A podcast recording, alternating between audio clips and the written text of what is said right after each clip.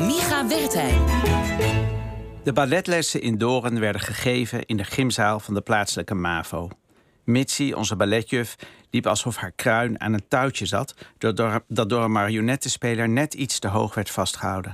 Eigenlijk was het een soort zweven. In haar ene hand had ze bij aankomst de bandrecorder... waarop ze Chopin-walsjes draaide. In de andere een tas met kleren. De deur naar de gymzaal opende Mitzi door haar rechterbeen tergend langzaam op te tillen... om vervolgens volledig beheerst met haar tenen de deurkrok naar beneden te duwen en naar zich toe te trekken. De warming-up deden we bij gebrek aan een bar tegen het klimrek.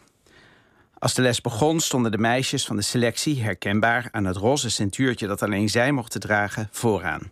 Daarachter stond de rest van ons. Eigenlijk had ik op moderne dans gewild, maar dat werd in de wijde omgeving nergens onderwezen. Daarom was ik terechtgekomen bij de balletschool van Mitsi. Met mijn zwarte maillot en witte overhemd was ik de enige jongen. Wat Mitsi er niet van weerhield om ons allemaal als meisjes aan te spreken.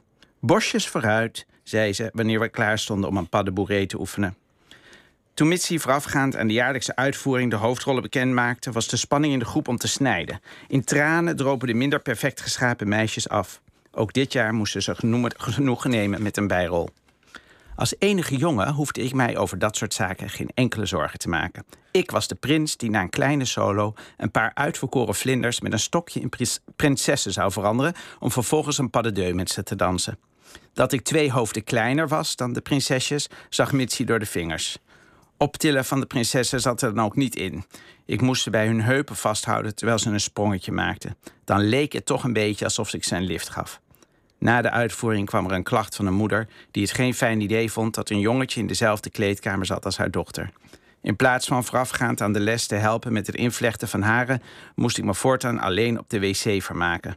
Zittend op de toiletpot hoorde ik hoe aan de andere kant van de deur de rest van onze groep gezellig babbelend de tijd doorkwam. Dansen vond ik heerlijk, maar na een poosje was de loller wel af. Het zou uiteindelijk de reden zijn dat ik besloot om niet verder te gaan als danser. Dat en het feit dat ik in de verste verte geen aanleg heb om danser te zijn. OVT. Een programma over de onvoltooid verleden tijd. Dans je nog wel soms stiekem ergens in je slaapkamer? Of mag ik zou het meer willen doen. Maar nog steeds is het zo dat als je. Ik heb later ook nog wel gedanst. Dat je altijd weer die ene man bent. En soms is er een andere man bij waarvan je denkt. Jij bent helemaal om de verkeerde redenen tussen al deze vrouwen aan het bewegen. Dan voel ik me alweer zo ongemakkelijk. Maar eh, ooit eh, hoop ik. eh, De bevrijding te vinden, goed.